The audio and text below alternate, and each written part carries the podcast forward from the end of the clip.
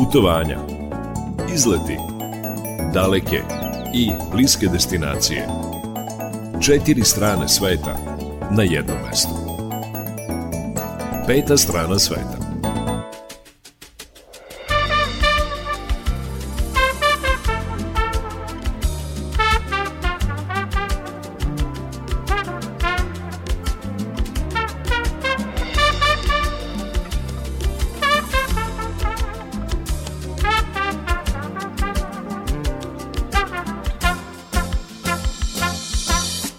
Dobar dan, poštovani slušalci, dobrodošli na Talase Radio Novog Sada, dobrodošli u turistički magazin Peta strana sveta.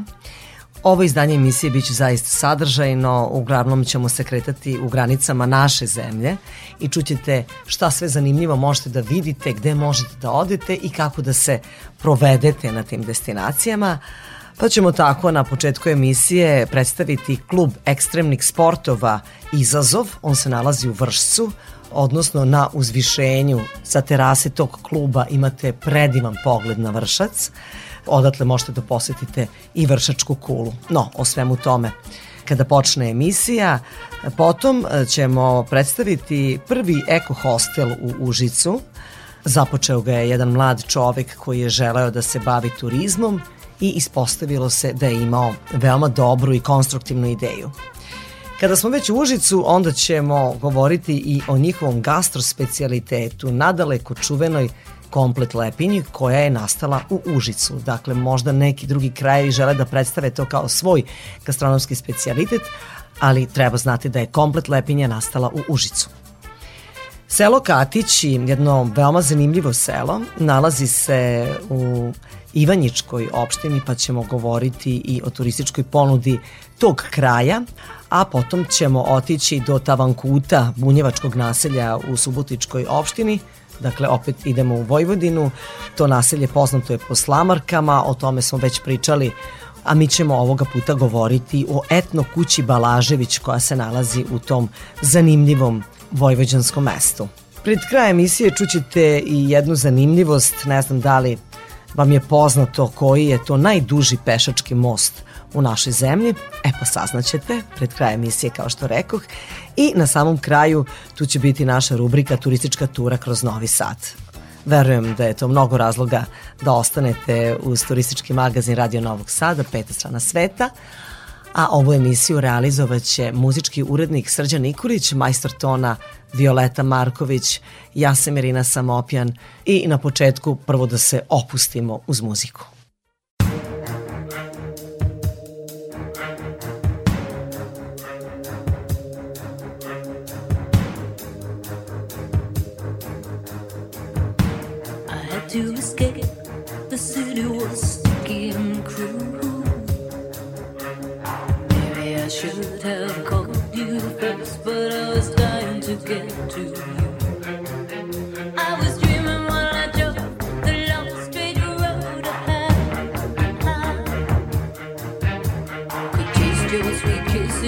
Drums open wide.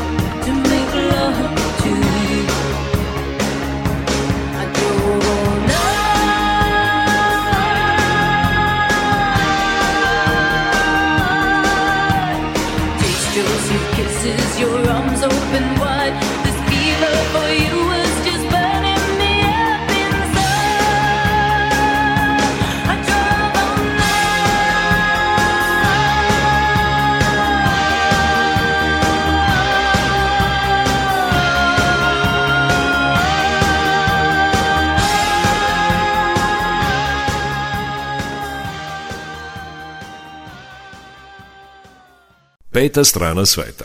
Radio Novi Sad.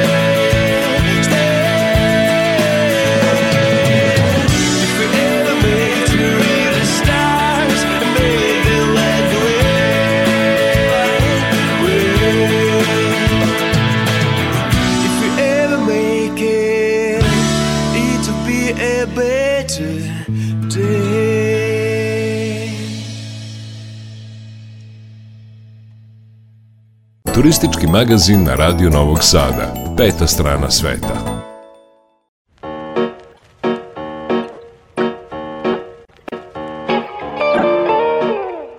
2007. godine osnovan je klub ekstremnih sportova Izazov. Taj klub se nalazi u Vršcu na Vršačkom bregu. Član tog kluba je Mihajlo Lazarević, jedan od članova. E, Mihajlo, ja sam čula da ovde dolaze posetioci iz cele zemlje, zato što vi imate veoma bogat sadržaj kad reč o ekstremnim sportovima. Dakle, toga nemamo baš mnogo, a mislim da su ove vršačke planine idealne za ekstremne sportove. Pa šta vi nudite onima koji dođu? Pre svega, da, idealne jesu za više sportova ekstremnih, kao što su paragliding, zmajarstvo, penje po stenama, što je malo čudno za Vojvodinu koja je inače ravna. Pa to penje sa postenama koje je u samoj ravnici jedna od glavnih stvari, I naravno ti vetrovi koji ovde duvaju, to je pretežno taj severozapni vetar koji je pogodan baš za paragliding. Sa koje stene e, sa, se kreće? Nije, pa nije stena, da, to je startno mesto Kula, ima više startnih mesta, na bregu Turska glava, ovaj, Kula, poznata Kula naravno, ovaj, tako da ima više startnih mesta, ali ko što se tiče naše kluba, jedna od najpoznatijih stvari su penje po stenama, odnosno ima znači bouldering, to je manje penje do 3 metra bez naveze i ovaj ostalo penjanje uz neke naveze koje su malo veće. Reč je o penjanju po pravim stenama, da, a ne da. po veštačkim stenama da, i u tome je zapravo draž i lepota naravno. ovog kluba ekstremnih sportova. Zmajarstvo takođe, možemo da se vozimo zmajem kod vas. Moglo je ranije, imali smo i motornog zmaja u klubu, E, sad ti bezmotorni zmajevi malo su više zamenjeni paraglajderima, malo je jednostavnije leteti, spakovati, to su tvrda krila zmajevi, treba više ljudi, tako da paragliding polako uzima primat na tome, zamenjuje ih. Ovo, može se leti paraglajderom, što je lepše, laganije. Ali ima još mogućnosti za bavljanje sportom i rekreativno i profesionalno imate i vožnju bicikla to je po vršačkim da. planinama. Da, jedno u suštini po meni naj, najpopularniji sport u celoj Srbiji. On, na primjer, mi dođemo su... kod vas pa ne, i iznajmimo ovaj, bicikl ili moramo imati opremu? Možete da imate vašu opremu, u suštini MTB bicikl jednostavan bicikl. Mountain ovaj, bike. Tako je, tako je, sve više popularan u celoj zemlji, ovaj, Vršački breg, na primjer, evo kad smo mi otvorili klub 2007. godine, pa da li imamo, na primjer, pa 20, na primjer, ljudi koji su vozili, ja mogu kažem da sada je preko 500 ljudi koje je prošlo kroz taj sport, kupili, prodali, vozili, imamo te naše popularne trke, ovaj, vršački izazov, takmičara zaista bude puno iz cele Srbije, iz bukvalno cele čak iz Crne Trave koje je daleko, na primjer dođe autobus mladih koji voze, preko 150 takmičara bude. Nadamo se za sledeću godinu malo većim ovaj, sredstvima pa da vidimo. Mihajlo, a koja je ruta? Dakle, vozi se preko Vršačkih planina i sad imate neke lakše i teže staze e, ili i koja je kilometraža? Da, Vrški breg je inače zanimljiv. Nije ravan, kako da vam kažem, gde god odete da vozite. To su vrhovi pa su na tim planinama nekako ima veliku amplitudu spuštanja i dizanja i zato je malo zahtevniji nego neke druge.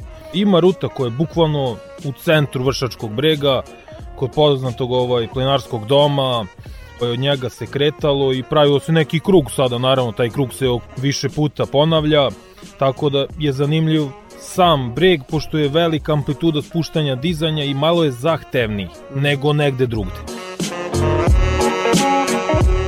imate vi još sadržaja.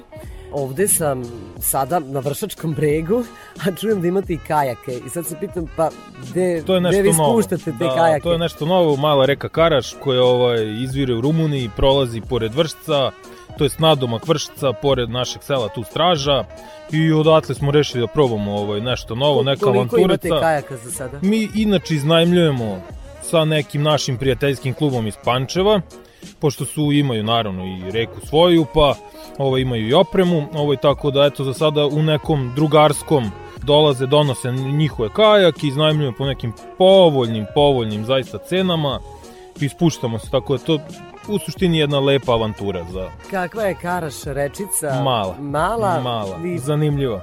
Brza ili spora? Zavisi od vremena. Zavisi da li padaju kiše, pa može bude brza, ali u suštini nije.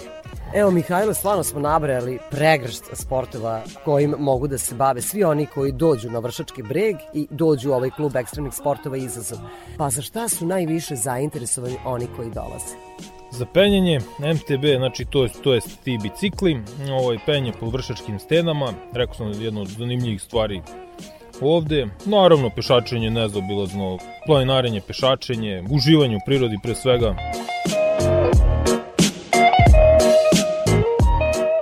Zanima me evo za kraj koliko je razvijen taj sportski turizam i rekreativni turizam kod vas, dakle, odakle dolaze turisti? Pa polako, nije dakle, jako još razvijen, da, ali možemo kažemo da zadnjih dve, tri godine, na primjer, veliki, veliki broj posetioca iz Rumunije. Što je i za grad po meni jako bitno, da se dole na parkingu ovaj vide rumunske tablice. Na primjer, evo kod nas u klubu i u samom kafiću se desi proleto da je bilo da bukvalno se rumunski priča, što je izuzetno i za breg. Tako da... Imaju li posetioci ovde negde gde da spavaju ili u planinarskom ima domu? Ima Crveni krst, planinarski dom i nema nema kuća, na primjer, za izdavanje. I to se traži. Čak dobijemo i mi preko našeg kluba poruke ovaj, gde bi mogli u prirodi da se smeste, a da nije Crveni krst, da nisu neka odmarališta. Znači, da, da se, turizam. Jest, jest. U suštini fali mesto više. Čuli ste, poštovani slušalci, kakve su mogućnosti za sportski rekreativni turizam ovde u Vršcu. Dakle, na bregu postoji klub ekstremnih sportova Izazov. Ako ste voljni, dođite da se nadišete čistog vazduha ovde na Vršačkom bregu, na Vršačkim planinama. Moj sagovornik bio je član kluba ekstremnih sportova Izazov, Mihajlo Lazarević. Yeah. Peta strana sveta.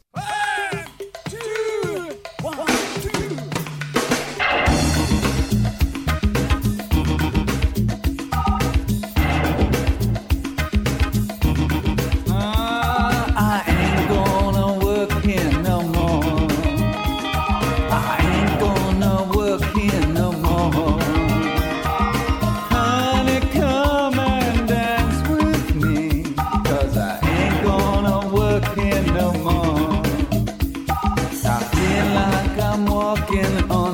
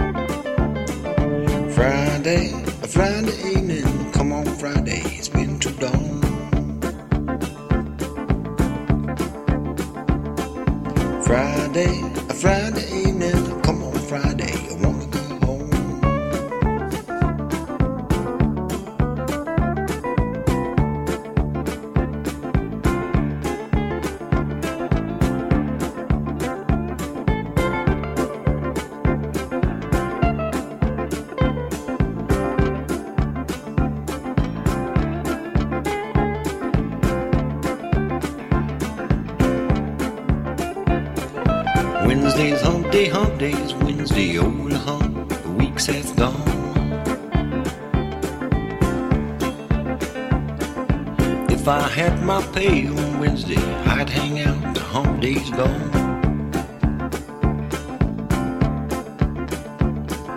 Thursday, you know I feel better, I can see the end inside.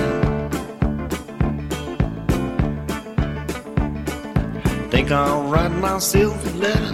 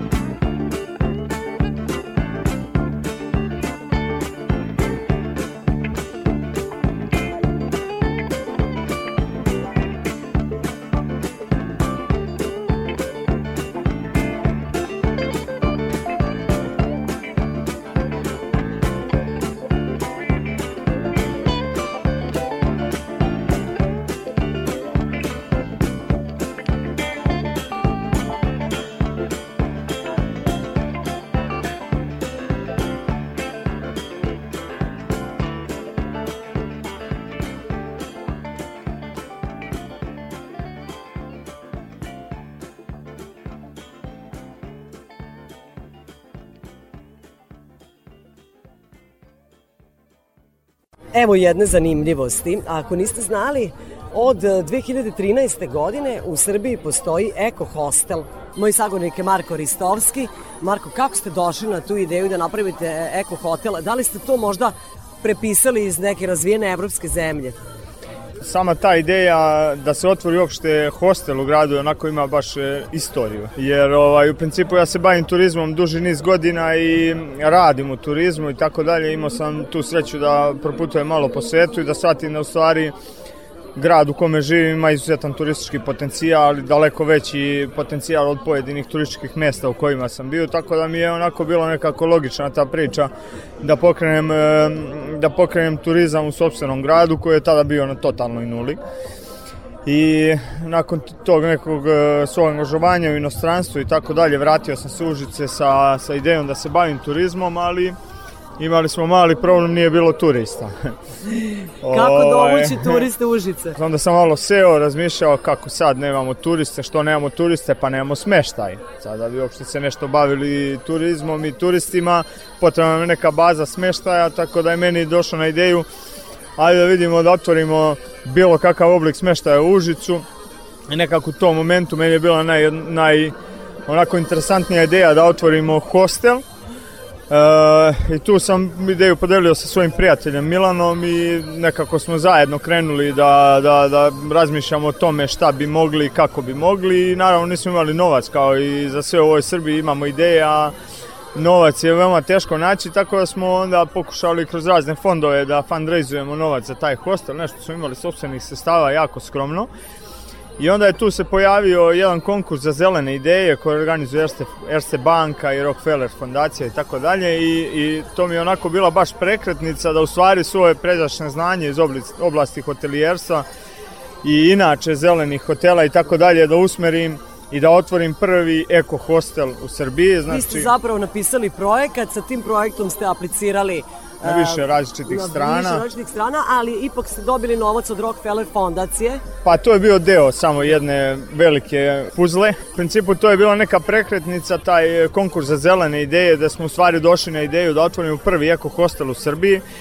Jer ja sam na svom diplomskom radu dosta se bavio zelenim hotelima, održivim razvojem, nešto što tada u tom momentu u Srbiji, kad sam ja radio diplomski 2010. nije postojao ni jedan tekst na srpskom jeziku na tu temu, tako sam baš dosta izučao i bilo mi je to vrlo interesantno, onda sam odlučio te neke ekološke principe i zelene principe primenim u, u hostelu. E sad dolazimo do pitanja kako izgleda vaš hostel od čega je napravljen, kako je sagrađen, jer je zapravo cilj da on bude samo održiv, jel? da koristite obnovljive izvore energije, a i sve to od čega je napravljen i to je isto eko priča. Taj naš eko hostel Republik ima dvojaku priču. Znači mi kada smo otvarali hostel, neka prvenstvena ideja bila to bude hostel Užička Republika da smo hteli tematski da se vežemo za Užičku republiku, prvo oslobođenu teritoriju u Evropi, jer smatramo da bez obzira koja je bila politička pozadina cele te priče, jednostavno treba da se sačuva to kulturno-istorijske nasleđe Užičke republike i nekako zbog svih ovih političkih promena i svega nekako si ljudi koji su se izborili za Užičku republiku ostali zaboravljeni. Tako smo mi hteli da, da ispratimo tu temu Užičke republike koja inače prati Užice i onda smo napravili tu dobitnu kombinaciju da u stvari napravimo Eko Hostel Republik koji bi bio energetski nezavisan kao što je Užička republika bila nezavisna u Evropi 1941. godine. I onda je se pojavili razni ti konkursi da smo mi uspeli da fundraizujemo neki novac, da uz pomoć solarnih panela, sistema uštede, apsolutno ceo interijer da uradimo od recikliranih materijala e, i da idemo ka nekom putu samoodrživosti. Nažalost u Srbiji to je veoma skupo, nije isplativo, teško je isplativo, ti rokovi otplate su jako dugački i tako dalje, ali imamo neki jasan cilj kojim se polako krećemo, evo već peta godina kako, kako radimo, mogu da kažem slobodno, znači da smo bili prvi neki ozbiljan smeštaj u gradu koji je mogao da ponudi neke dodatne sadržaje našim gostima. Sada već imamo 3-4 hostela u gradu, imamo preko 30 apartmana. I svi su eko. Konači, nisu svi eko. Samo smo mi eko hostel Republik, jedan jedini. Da, da, da, vi ste eko, ali mislite kad ima u gradu 3-4, pojavila se potreba da, za još da, da. smeštenih kapaciteta u gradu. Tako je, tako. Samo e, niste nam odgovorili na pitanje, ne znam, od čega su kreveti, od čega je, kako ste rešili to pitanje? To je isto vrlo interesantno. Znači, upravo ceo ceo, ceo interijer hostela je apsolutno ovaj ručno izrađen, znači sve od, hote, od kreveta, stolica, stolova, sve je apsolutno ručno napravljeno ili je povučeno nešto što je već trebalo da se pretopi, spali i tako dalje.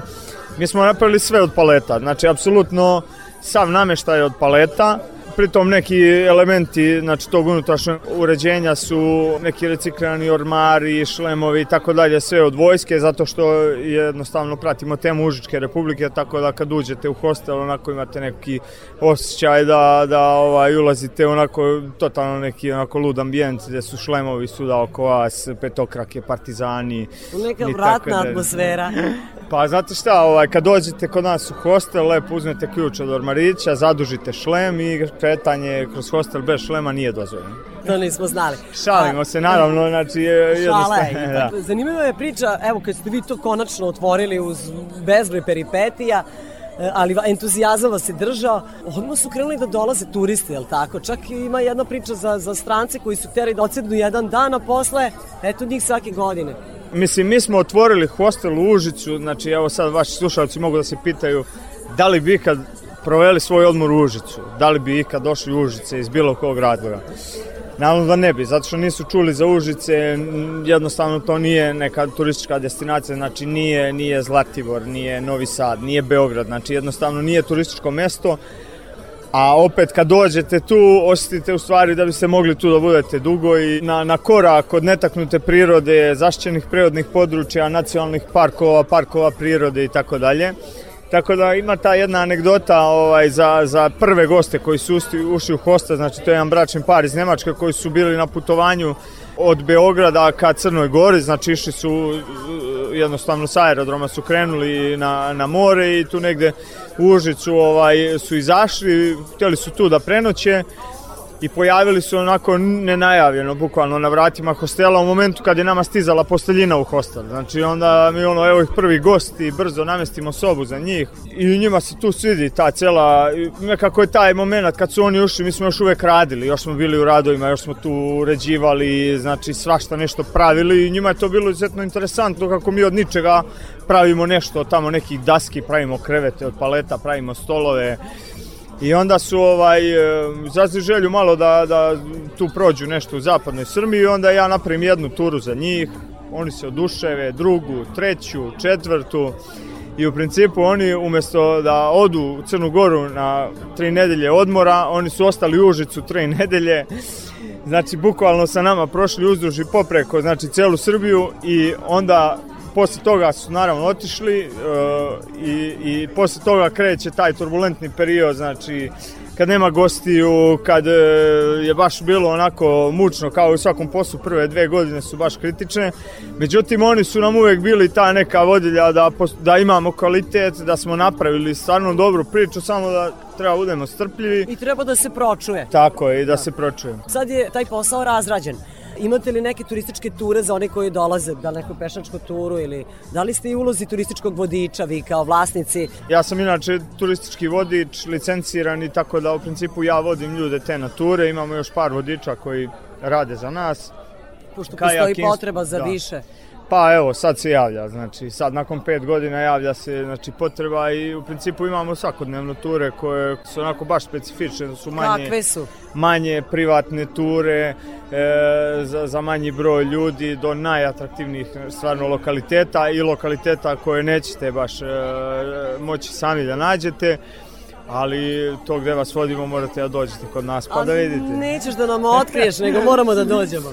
Pa, Evo neke principu- osnovne stvari, U, ajde, principu osnovne. naj, najviše se ljudi interesuju znači, za, za Drinu, za Taru, znači nacionalni park Tara, kanjon Uvca, Mokra Gora, Sirogojno, e, kanjon Đetinje sada se otvara za te turističke sadržaje. Tokom ovih pet godina uredili smo sa našim udruženjem e, turističkih vodiča, uredili smo dosta planinarskih staza oko samog grada, tako da svake godine napravimo neki novi sadržaj u gradu koji će da zadrži gosta još jedan dan, jer e, u principu nama je, nama je bitno da gost kad dođe u Užice ima isprogramiran dan, pro, odmor od 4-5 dana gde će on stvarno da, da uživa u aktivnostima i da ima onako neko super iskustvo i mi smo zadovoljni stvarno i kako sve to se odvija. Mislim, zadovoljni smo iskustvima naših gostiju, vidimo, vidimo rezultat rada. Kada je reč o hrani, kogod dođe u Užice, kažu valja da proba komplet lepinju.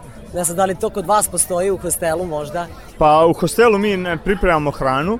Nema E, ni doručak. E, ima sada trenutno imamo besplatan doručak, ovaj već već pola godine kako organizujemo besplatan doručak za naše goste, ali e, u principu mi se trudimo kao taj neki održivi vid turizma, trudimo se da naše goste usmerimo na lokalne radnje oko nas, znači jednostavno da, da mi budemo samo neki centar gde će gost da bude smešten, a da on e, vi poseti prvu prodavnicu do nas, da kupi suvenir, da, Da se kreće po gradu. Tako je, tako je, jer je to jednostavno jedan od tih glavnih postulata održivog turizma da, da lokalna zajednica oseti benefit od nas kao ovdje kao koji smešta, smešta sve te ljude, tako da vrlo rado upućujemo goste na, na lokalne Komplet lepinje. pekare, komplet lepinje i, i tako dalje.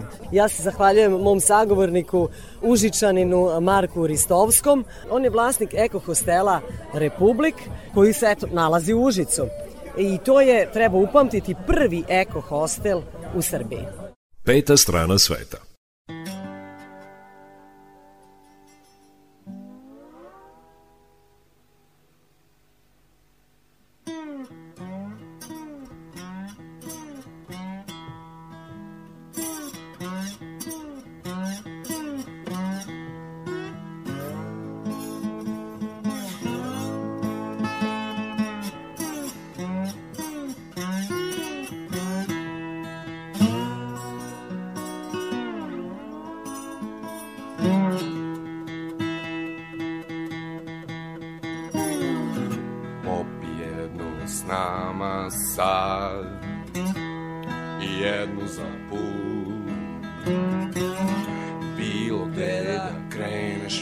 Kasniš Noćas je i mesec samo pijani krug. Dosta sam ti pričao, želi me još neko Vidimo se sad i ko zna kad. Čuj samo nešto što dobro znam Najbolje se putuje kad putuješ sam. Jer najbolje se putuje kada putuješ sam Jer najbolje se putuje kada putuješ sam. Jer najbolje se putuje kada putuješ sam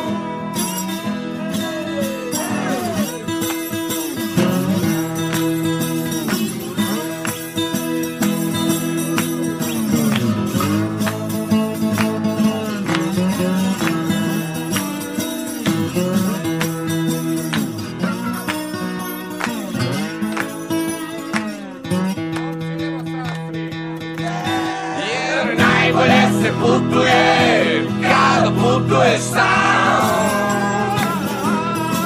Jer najbolje se putuje kada putuješ sam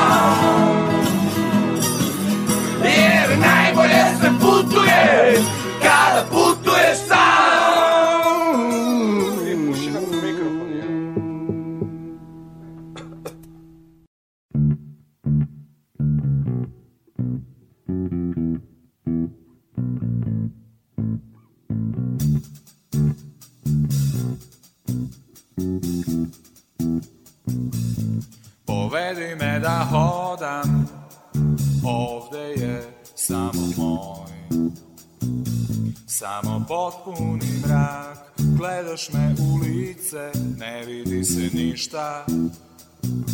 Sasvim normalna stvar, povedi me da hodam, ja hoću, ja moram, pokušavam da, da ne uzmem previše, opet vrtoglavica počinje. Sve u svemu melanholija, isto uzrača, udarac, ti se loše, ti se okrećeš, kao pešani sat. Sve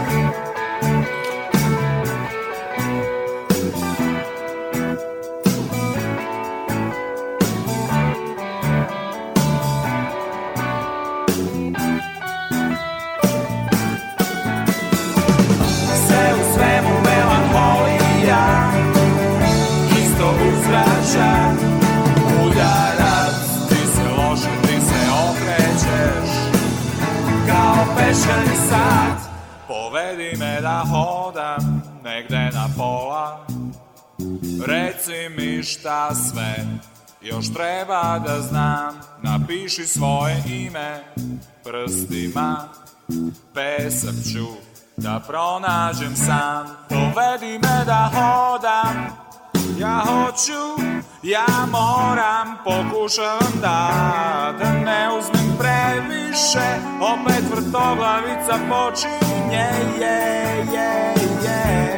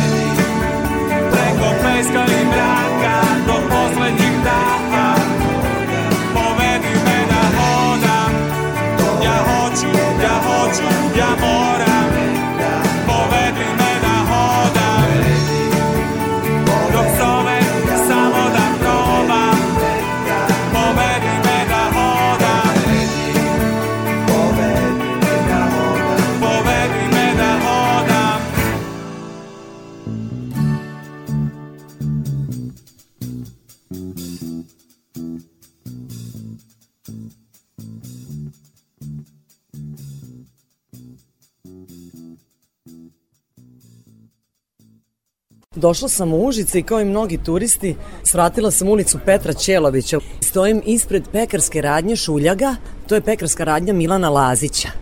A ja sada ne razgovaram s Milanom Lazićem i sa Draganom Lazićem. Milan je vaš otac. Da. I on je započeo ovaj biznis o kojem ćemo pričati. Pričamo o jednoj gastronomskoj zanimljivosti. Otac je došao na zanat u ovu pekaru. 1953. godine doveli su ga za ruku, dok još dok je bio mali, kod Radomira Šuljagića. U 66. 7. godine Radomir Šuljagić ga je pitao da li će da budu ortaci. Ušao je u ortakluk sa Radomirom Šuljagićem i bili su tri godine ortaci. Jedina želja je Radomira Šuljagića bila kad izlazi odavde da ostane ime pekare Šuljaga koju je moj otac prihvatio jer su već u gradu počeli da ga zovu Šuljaga Šuljaga i I tako je u Tako narodu je ostalo sve ostalo do današnjeg dana. Šuljaga. A o čemu mi zapravo pričamo? Pričamo o komplet lepinji ili kako kažete u Užicu lepinji sa sve. To je jedan gastronomski specijalitet koji oni koji dođu u Užice moraju da probaju. Ako to nisu probali, onda kao da nisu bili u Užicu. Kao da nisu bili u Užicu, normalno. Jer ovde smo imali gosta čak iz Japana, iz Severne Koreje, ovi sa gornje strane Severne Koreje. Sa svih strana sveta stvarno dolaze ovde u grad i obavezno dolaze u ovu pekaru. Da, a u našoj zemlji svi definitivno znaju za lepinje sa sve. Zašto ja baš sa vama pričam? Zato što je ovde nastao taj recept. Ko je izmislio tu lepinju sa sve? Pa, posle drugog svjetskog rata više su se pravile e, hlebovi vekne od 2 kg, vekna od kilogram i pogače. Onako stidljivo su išle ove lepinje sa sve. Jer posle drugog svjetskog rata gazde su ovaj dolazile i išao je kajmak pretop i tako i poneki gazda pošalje jaje da mu se to umućka i odatle je krenulo kad su ih šegrti, kad su dolazili da za gazde naruče lepinju, onda kaže ajde i meni onu poruči sa sve. I Sa svim- svim što ima ta- tada što je sa, bilo. Sa sve i tako je krenulo. U spontano je taj recept nastao. Da. Nije to da je jedan čovek izmislio recept.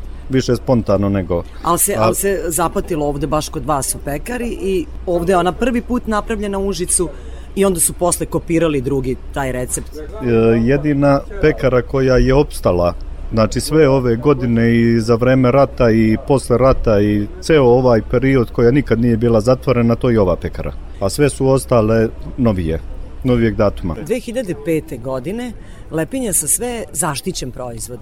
Zbog otimanja novopečeni pekari Zlatibor e, i cela Srbija su počeli da prave neki proizvod. Nazivali su ga lepenja sa sve, u njega su ubacivali pršutu, ajvar, na kraju su ubacili i, i spanać. I mi smo 2005. godine ovaj proizvod zaštitili onakav... Dakle, pekara kakav je. Šuljaga. Pekara Šuljaga je zaštitila ovaj proizvod, znači autentičan kakva je prva napravljena. Posle drugog svjetskog rata je napravljena ova lepinja sa sve. U ovom obliku i sastavu, recepturi. I još sam primetila nešto da se dešava važno u ovoj pekari. Videla sam sada plakat za jedan festival, Žestival se zove, i na tom festivalu vaša pekara je napravila najveću lepinju za sve na svetu. Ovde se napravila ta za Ginisa sad, pitanje da li će ovi iz Ginisa doći da probaju lepinju i da upišu u knjigu. Za Ginisa manje više, ali napravili smo jednu najveću lepinju, oduševili smo sve posetioce žestivala i građane Užica, svi su bili oduševljeni, tako da smo i mi ispunili neku naš san i ljubav prema tom proizvodu. Evo za kraj, ako možete Dragane samo da kažete šta ide u tu lepinju za sve, kakav je recept? Domaća lepinja u kojoj nema aditiva, trudimo se znači da je pravimo bez aditiva, samo brašno, kvasac, voda. Onda ide užički kajmak, jaja i normalno neizbežan pretop koji se dobija od jagnjadi i prasadi.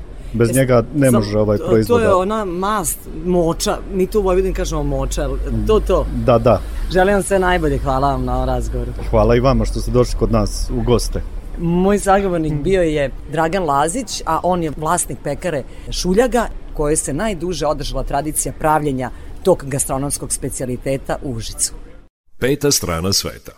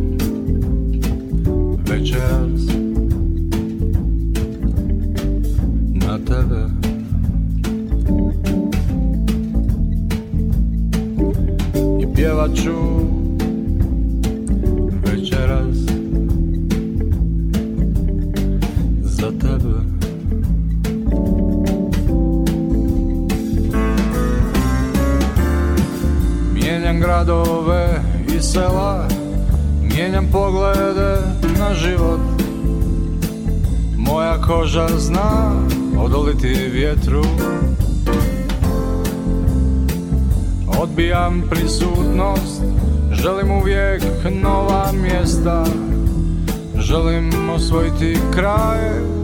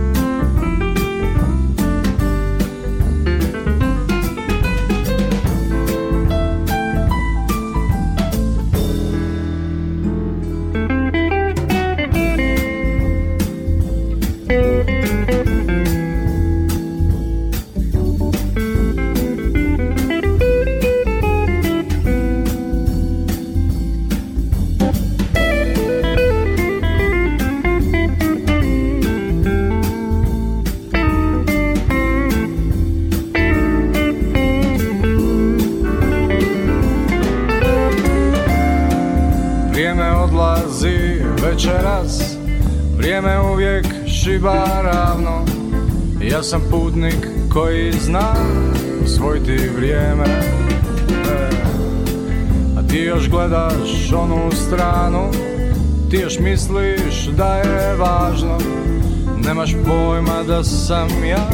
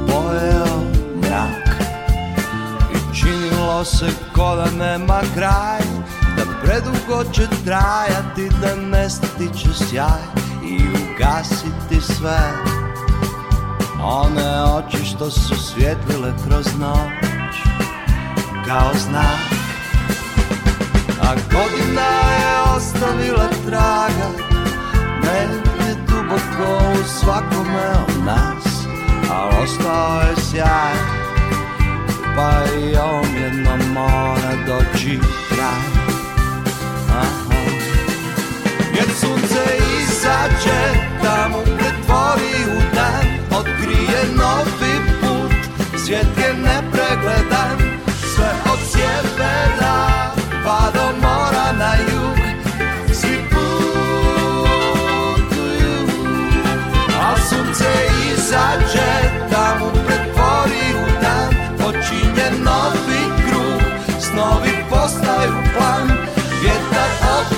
al mi držimo smjer A more valja.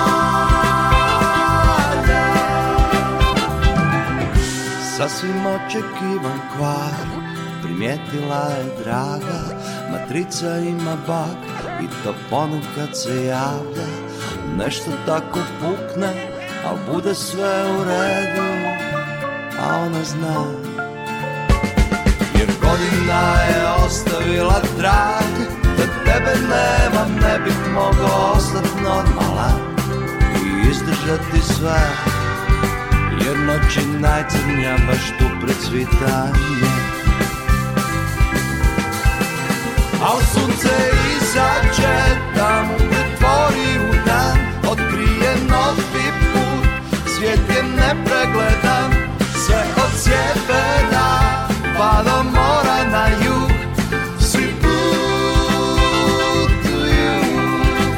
Jer sunce izađe mu pretvori u dan Počinje novi krug, snovi postaju plan. Svijet se okreće, al mi držimo smjer Sve do Havaja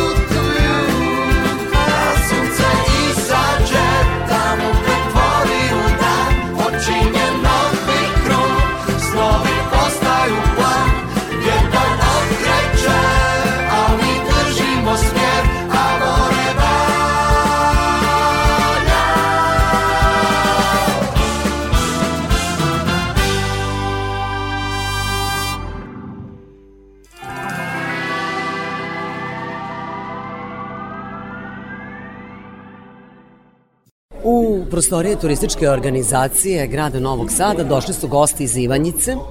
U stvari ne baš iz Ivanjice, nekih 20 km udaljeno je selo Katići od Ivanjice i tu se nalazi hotel, zove se Matović Logos. Zapravo hotel se nalazi na jednom posebnom mestu u predivnoj prirodi i zbog toga ih je turistička organizacija grada Novog Sada i ugostila kako bi obelodanila sve informacije u vezi sa hotelom i sa turističkim potencijalima toga kraja, Moravičkog kraja. E, Moj sagovornik je Slobodan Jakšić, on je menadžer hotela Matović Logo. Slobodane, dobar dan. Dobar dan, hvala vam na... Evo ja sam sada nahvalila taj vaš kraj, ali sve to zahvaljujući mojim koleganicama, novinarkama koje su nedavno bile kod vas i stvarno se oduševile prirodom, planinom Mučanj, pošto se hotel nalazi na planini, kako rekao ste na kojoj nadmorskoj visini? Hotel se nalazi na 1054 metra, a Mučanj, vrh Mučnja je na 1534 metra. Ja prvo da vam objasnim malo o, o tom hotelu, kako je on postavljen na tom mesto. Ljudi u, u prethodnom vremenu su dosta razmišljali gdje objekat mogu da postave. Tako da su vršena ispitivanja na tom mestu Katiće, jer su stara predanja govorili da dolazi vazduh sa mora. I oni su pozvali institut i počela su ispitivanja, postavili su neko veliko platno i na tom platnu su se zadržavale čestice joda i soli. Tako da je dokazano da do tog mesta, tačno gde se sad nalazi hotel, tu dolaze i vazduh sa mora, to je sa Jadranskog mora. A Osjeća drugi, se miris. Osjeća, osjetite vi jod, osjetite so. S druge strane osjetite borovu šumu, a iz šume osjetite šumski vazduh, to je gorski vazduh. Tako da se na tom mestu ruža vetrova, svi pričaju ruža vetrova, ruža vetrova, niko nije dokazao. Jedino ko je dokazao, to je dokazao hotel Matović Logos da se tu ukrštaju morski i gorski vazduh. I na tom mestu je ustanovljeno da ljudi koji imaju problem sa disajnim organima mogu da se leče sa štitnom žlezdom. Najveća bolest današnjici je stres od tog stresa se dobija i diabet i ostale bolesti, tako da ljudima se preporučuje malo više dana da se opuste, da dožive prirodu, da dožive vazduh i da se vrate u neko normalno stanje bez stresa, bez potresa i da kažu ovo je Bog dao mesto. Vaš hotel je kao neka vrsta banje, pa me zanima ko su vaši gosti. Pa evo, na tom mestu su ustanovili i sportisti. Futbaleri košarkaši za mlađe selekcije su na pripremama, već su sad na pripremama i futbaleri, a bit će i, i košarkaši. Drugi gosti su ljudi koji sam rekao da je zdravstveni turizam, da je to neka vrsta banje na planini i ljudi koji žele mir, odmor, A jedna od najvažnijih stvari, ja ne pričam mnogo, tu se stvaraju nove ljubavi i obnavljaju se stare. Tu stariji ljudi kažu da im je kao eliksir, kažu da je to jače od Viagre ovaj naš kraj. Za sve goste koji dođu u vaš hotel imate osmišljene i turističke ture, dakle da bi njima čitav dan bio ispunjen i opšte boravak tih nekih 10, 12, 13 dana koliko odsedaju, želite da im sve vreme bude organizovano dobro. Mi ne dozvoljavamo da gostu bude dosadno. Pravimo pešačke staze zdravlja. Imamo to sve na planini mučenj ili, na planini ili ih vodite i na Goliju koja je blizu? Na na planini Mučanj. Pa onda imamo uh, ekskurzije za uvac. To je jedan kanjon, što kažu amerikanci da je za njih Colorado, za nas je uvac. Tu opstala je vrsta beloglavog supa i imamo verski turizam u Ovčarsko-Kablovskoj klisuri, kažu da je to mala srpska sveta gora. I imamo turu do Ivanjice da malo posete Ivanjicu koja je isto predivno prekrasna. Kada je reč o planini Muče, tu postoje pešačke staze, biciklističke, to je sve osmišljeno u tom cilju da turisti dožive planinu na najlepši mogući način, a zanimljivo je kako je planina dobila ime, pa ispričajte nam tu priču. Po predanju Sveti Sava je išao na vrh Mučnja i kada je sišao dole, pitali su ga kako si ovaj, se popeo gore, pa kaže muka mi je bilo da se, mučno je bilo da se popenje i tako je dobila planina Mučanja, kada se vratio na pola puta negde je bio žedan i njegov konj je udario nogom u neku stenu i tako je izašla voda koja se sad zove Stavina voda i kažu da je ta voda lekovita. Kada reč o lekovitim vodama, postoji mnogo izvora mineralne vode u vašem da. kraju, u tom opšte moravičkom kraju, pa koji su to izvori? Mi imamo još jedan izvor tu prilikama, prilički kiseljak, A onda imamo malo dalje u Ovčar banji, isto Ovčarsko-Kablarskoj klisuri, imamo Ovčar banju koja isto je mineralna voda, topla mineralna voda i ceo taj kraj, znate da je Vrnjačka banja, Kraljevo i sva ta okolna mesta su leže na mineralnim vodama. A da ne pričamo o Trepči banji koja je daleko Gornja poznata, Trepča. Gornja Trepča, Atomska banja i ostalo. I e, sada ćemo da otkrijemo slušalcima Radio Novog Sada jedan veoma zanimljiv podatak. To je da Ivanjički korompir, taj koji je poznat i koji dolazi ovde kod nas u Vojvodinu, nije baš iz Ivanjice, nego je baš iz Katića gde se Tako nalazi je. vaš hotel. Tamo su, tamo su sve njive zasađene tim krompirom i mogu vam reći da taj krompir, jedan deo i veći deo, se prerađuje u čačanski čips. Drugi deo ide na vaše trpezu u Vojvodini i sad bilo je lakše onda da se priča kad bi vi rekli Katić, oni ne znaju gde je Katić. Onda su rekli, e, Ivanjica, gde, Iva, gde je Katić kod Ivanjice? I tako da je ostalo to, mi se ne ljutimo, to je taj deo tu Ivanjica Katići Mi sad pravimo 21. septembra jednu lepu turističku manifestaciju koja se zove Krompirijada i ta Krompirijada će biti u tradiciji. To je baš Nadam u se- Katićima. Baš u Katićima i pored našeg hotela i mi smo smislili tu manifestaciju. Gospodine Jakšiću, vi ste nama novinarima obećali da ćete doći još jednom u Novi Sad, ali da predstavite gastronomsku ponudu Katića, po čemu je ona karakteristična? Ajde da kad dođemo, da bude iznenađenje, da vam ne otkrivam, ja sam vam rekao, mi otkrivamo neotkriveno. Ajde kad dođemo sa gastro našom ponudom, da onda vi kažete i da uživate i da vi prenesete utiske, pa ćemo onda pričati. Da vam ne bi pričao ovako, a vi niste to ni probali, niti videli, a vi ćete davati svoj sud. Ja se zahvaljujem na razgovoru Slobodanu Jakšiću, on je menadžer hotela Matović Logos. Oni su bili u Novom Sadu da predstave svoju ponudu. Ukoliko vas zanima prelepa priroda, Moravički kraj, eto možda baš vaša odluka bude da, da ovo leto i ovaj godišnji odmor provedete u Katićima nadomak Ivanjice. Ostanite uz Radio Novi Sad, uskoro ćemo pričati ipak o jednom gastronomskom specijalitetu, a on je karakterističan za Užički kraj. Peta strana sveta.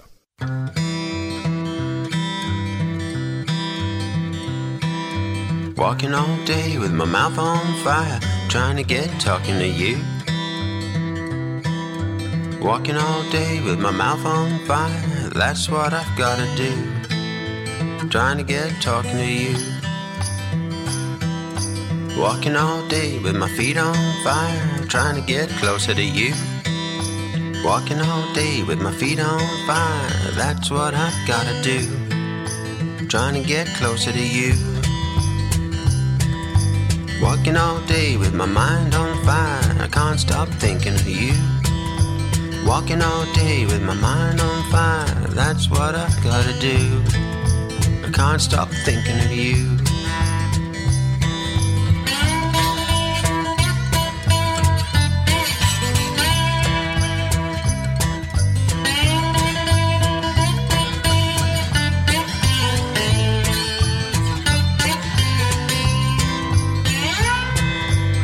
Walking all day with my hands on fire, I wanna get to touch you. Walking all day with my hands on fire, that's what I've gotta do. Wanna get to touch you.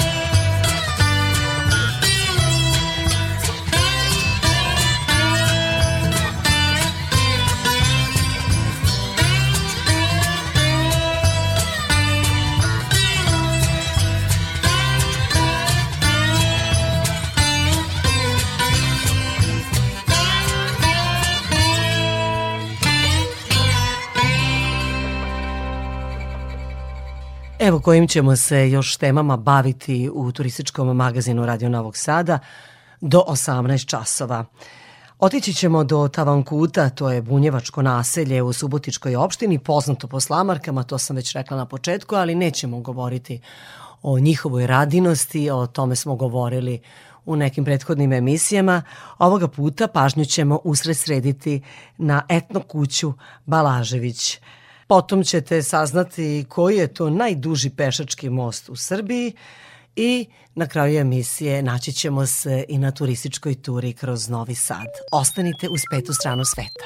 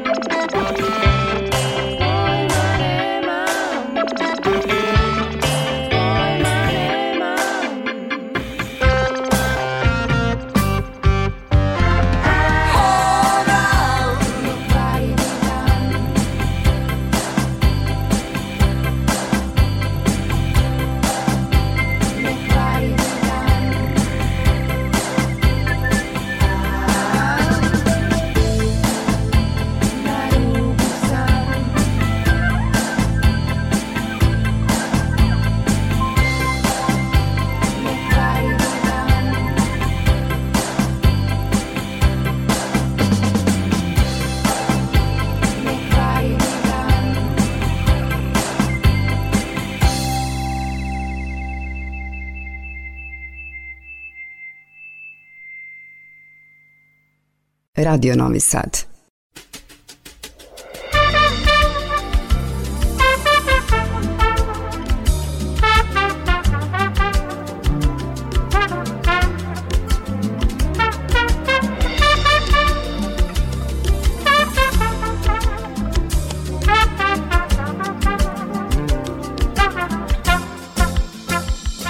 Sada idemo u Bunjevački kraj u Vojvodini.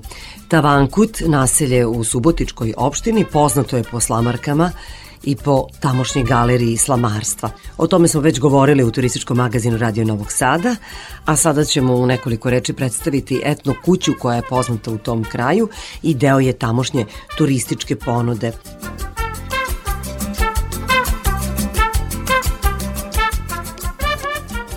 U Tavankutu smo posetili etnu kuću Balažević i čuli da je taj salaš sa 5,5 hektara zemlje početkom ove decenije njegova vlasnica Jasna Balažević. S obzirom na to da nije imala naslednika, zaveštala selo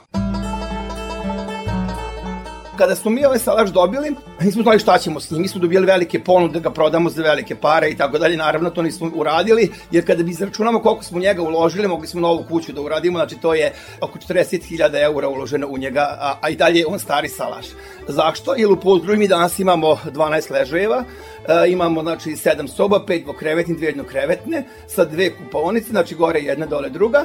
I to nije jedini smešteni kapacitet, mi danas imamo oko 50 smeštenih jedinica u Tavangutu, što je u našem vlasništvu 22, jedno je, jedan kapacitet je u nekadašnjem domarskom stanu, ima 12 ležaja i nekad su u Tavangutu postojale časne sestre, one više nisu tu i onda naš župnik je nama dao tu kuću gdje su bile časne sestre, tamo ima 15 ležajeva. Tako da danas mi možemo hostelskog tipa, više krevetni soba i tako dalje, da primimo znači, jedan autobus na spavanje. Sve više je tih seminara, mladih, edukacije, tako dalje, koje imaju kod nas i spavanja, ali imamo puno ovakvih promotura kao što ste vi, ima oni koji dolaze sa ručkom, sa večerom, s tamburašima, spavaju u Subotici, a kod nas dolaze samo na provode i tako. Danas imamo, znači, godišnjem nivou više od 5000 posjeta, a imamo, znači, pa bliže 1000 noćenja, znači, što se tiče na godišnjem nivou. Ti dolaze nam turisti najviše Srbija, Hrvatska, nešto iz Mađarske, nešto Slovenije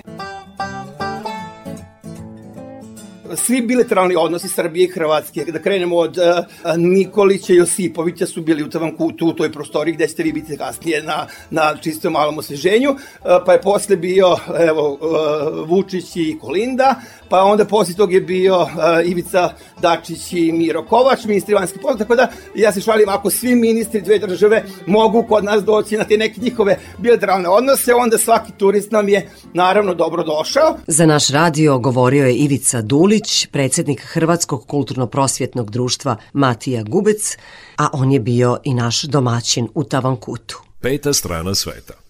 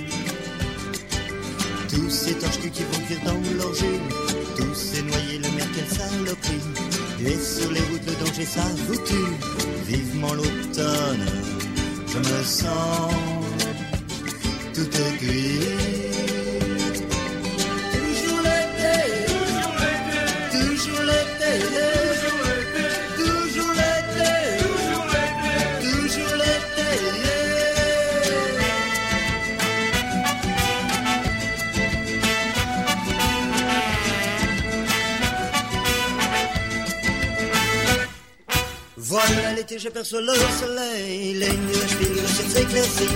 Et dans ma tête qui bourdonne les abeilles, j'entends rugir les plaisirs de la vie. Voilà l'été, j'aperçois le soleil, les nuages finissent le ciel. C'est le bonheur rafraîchi d'un cocktail, les filles sont belles, et les vieux sont ravis.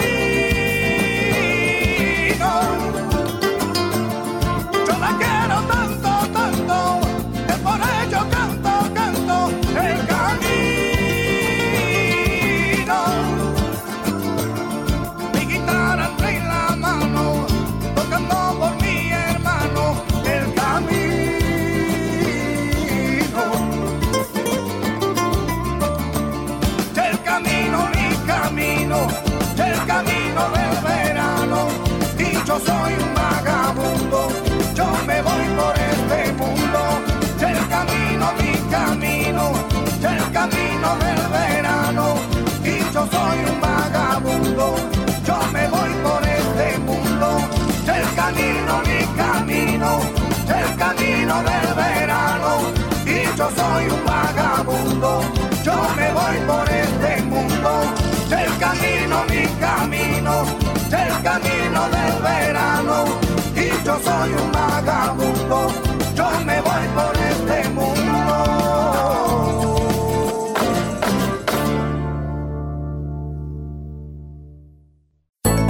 Zanimljivost.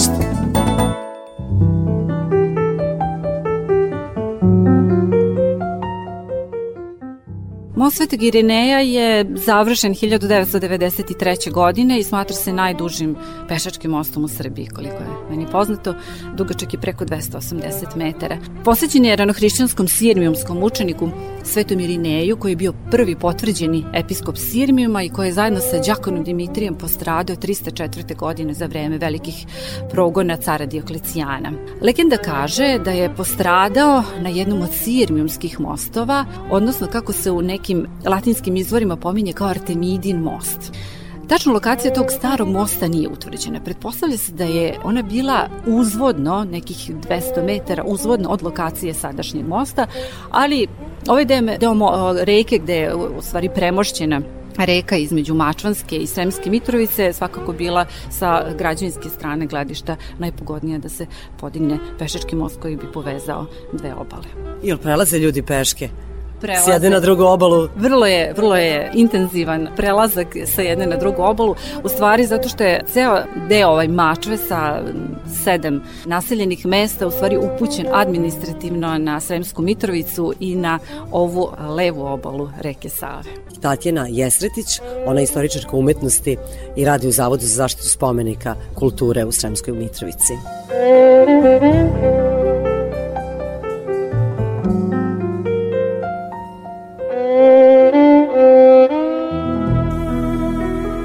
Peta strana sveta. Bye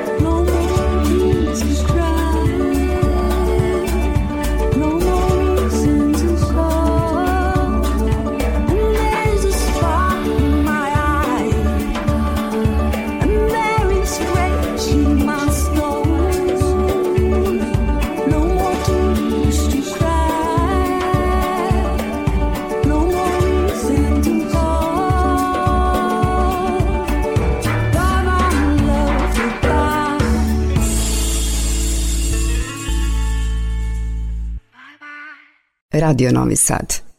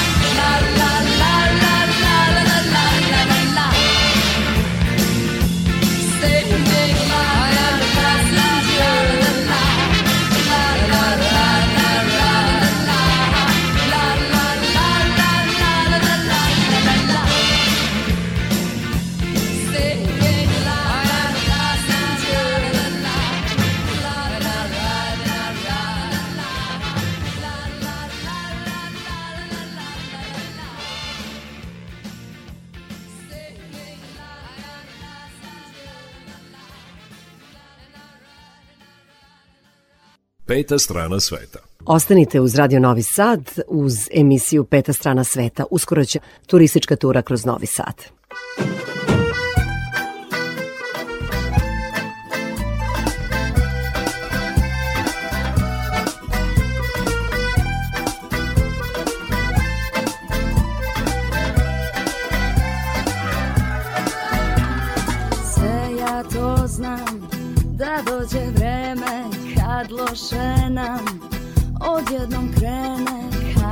se sve kao vetar okrene. Sve ja to znam, dalo mi čaše Sve ja to znam, uz tamburaše Kad god me tu neko malo spomene. I možda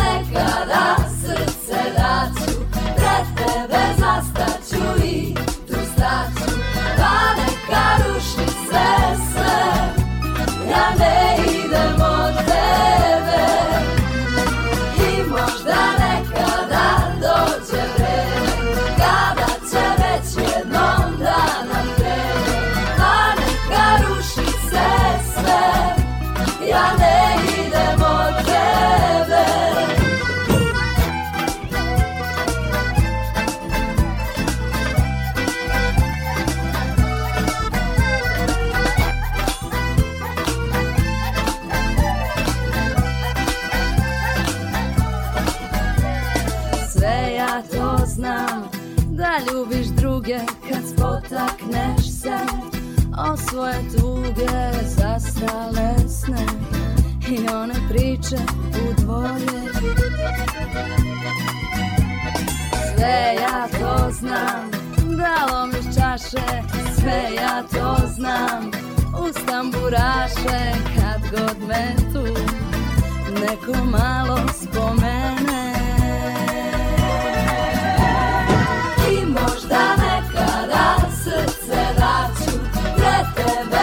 Da dostaću pa sve sve, ja ne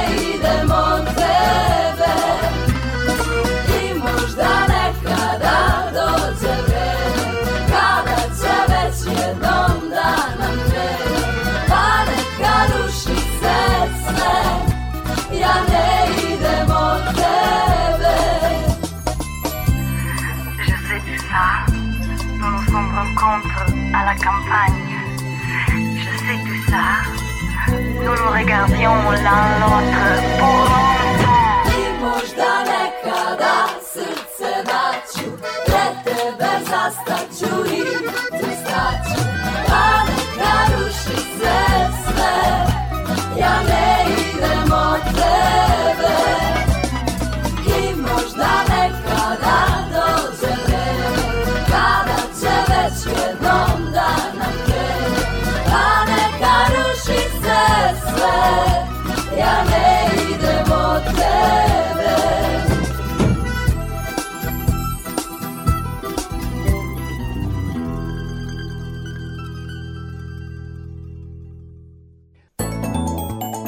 Turistički obilazak Novog Sada. U obilazak centra Novog Sada obično se kreće sa turističkim vodičem od spomenika posvećenog Svetozaru Miletiću koji se nalazi ispred gradske kuće. Tu smo se i mi sastali sa Stevom Jelićem koji radi u Udruženju turističkih vodiča Novog Sada.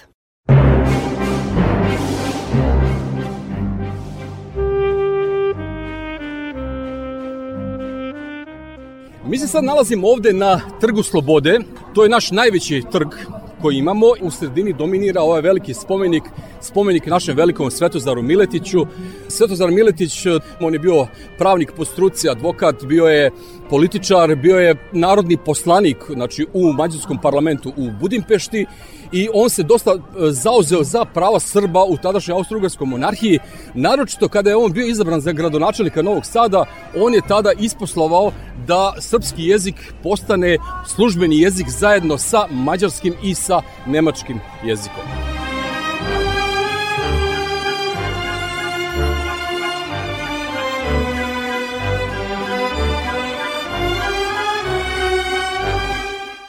Ovaj spomenik ovde 1939. godine je napravio hrvatski umetnik, znači Ivan e, Meštrović. E, godinama sa jedne strane, ove druge tamo strane, bilo je, bio je natpis Svetozar Miletić Čirilicom napisan. 60. godina dolazili su ovde neki novinari, pokoji turista u to vreme i uh, jedan novinar je čak napisao da su uh, ovde u Novom Sadu ljudi toliko veliki komunisti, tako da su stavili spomenik Karl Marksa ovde u centar Novog Sada. Valjda ih je on posjećao zbog svoje brade na Karl Marksa, tako da smo s druge strane napisali, znači Svetozar Miletić na latinici da znaju da to nije Karl Marks, nego naš Svetozar Miletić. Radio Novi Sad.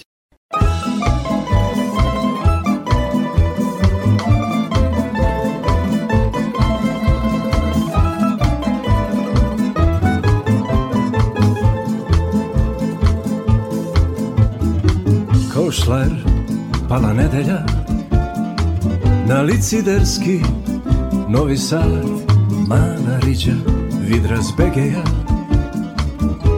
Tri se noći potom smucala Po zatonima moga sna Koliko vrški je razbucala To samo ona zna. Po to doba mesečarim Krenem šorom pa svečarim Čule bande pa mi o glavi rade Sve se čarde zbog mene u parade Samo. Pijandure, banče, bez tambure. Alko tuguje, redom lumpuje. Starogradske, turske, ruske pa mađarske. Jutro ću spiriti, neću se smiriti. Dok ne nađem stih koji mene podsjeća na nju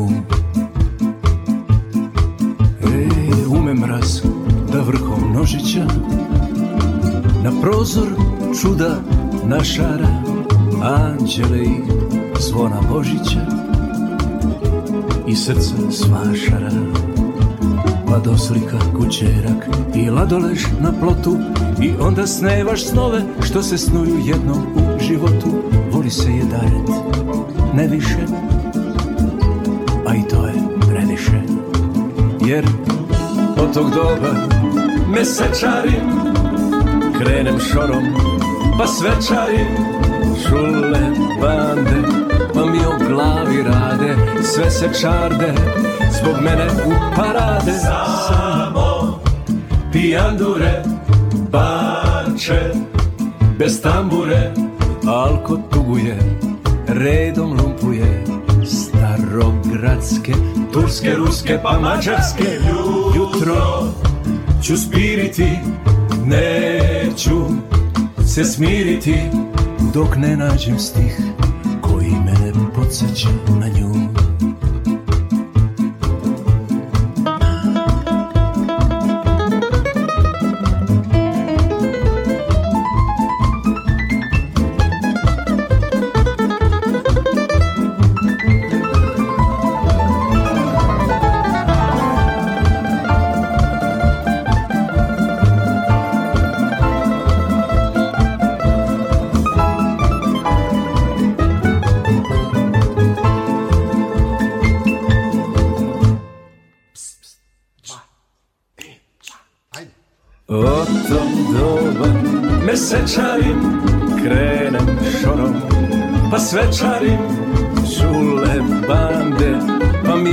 glavi rade Sve se čarde Zbog mene u parade Samo Pijandure Banče Bez tambure.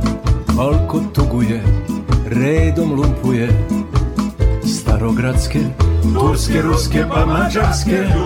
Ma jutro ću spiriti Neću se smiriti Dok ne nađem stih barem podsjeća na nju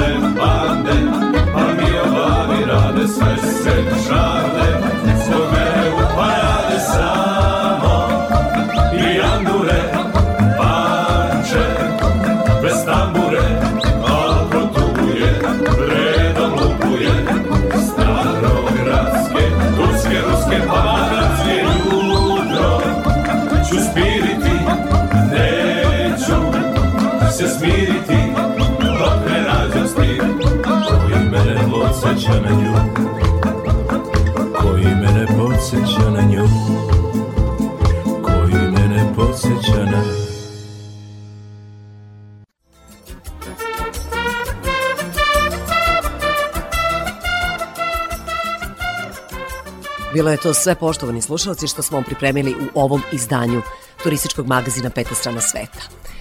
Posjećam vas da ne zaboravite, u 18 časova su naše najnovije vesti, a potom naša najslušanija muzička emisija Randevu sa muzikom. Turistički magazin ovoga petka realizovali su muzički urednik Srđan Nikolić, majstor tona Violeta Marković, ja sam Irina Samopjan i želim vam srećan put.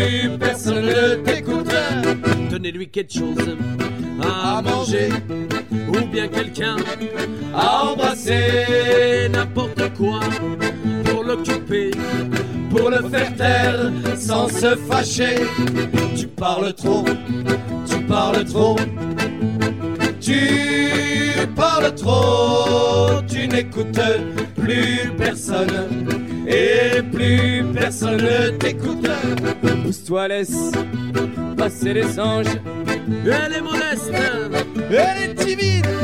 Tais-toi, tu gagneras au change. Faut se remplir quand on se vide. Tu parles trop, tu parles trop. Tu parles trop, tu n'écoutes plus personne et plus personne ne t'écoute. Et ce n'est pas que ton discours ne semble pas intéressant. Tu parles peut-être même d'amour. Ouais, mais tu parles, tu parles tout le temps. Tu parles trop, tu parles trop. Tu parles trop, tu n'écoutes plus personne et plus personne ne t'écoute.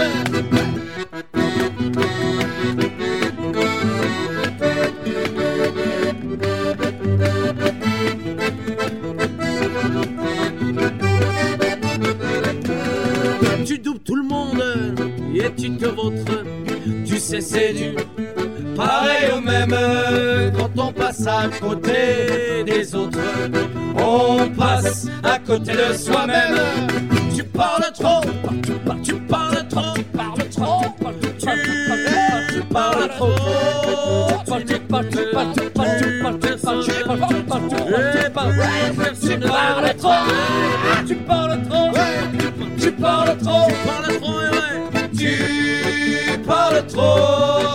Tu n'écoutes plus personne et plus personne ne t'écoute.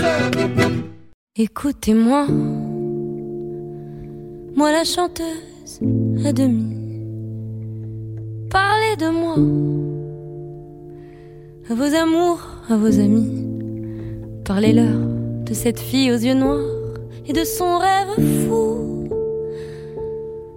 Moi, ce que je veux, c'est écrire des histoires qui arrivent jusqu'à vous. C'est tout. Voilà, voilà, voilà, voilà qui je suis. Me voilà, même si, mise à nu, j'ai peur. Oui, me voilà dans le bruit et dans le silence. Regardez-moi, ou du moins ce qu'il en reste. Regardez-moi,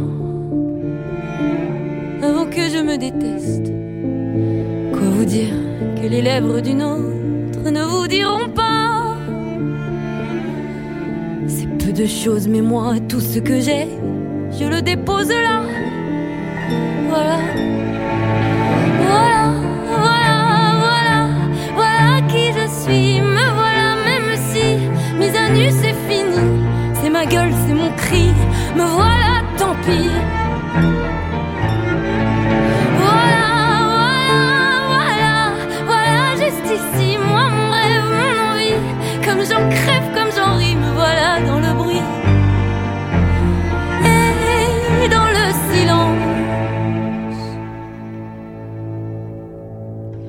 Partez pas, je vous en supplie, restez longtemps.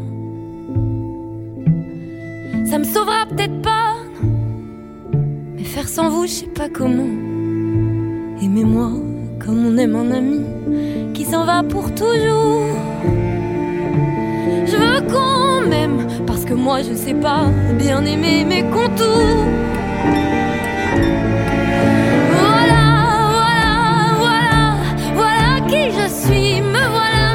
mise à nu c'est fini, me voilà dans le bruit et dans la fureur.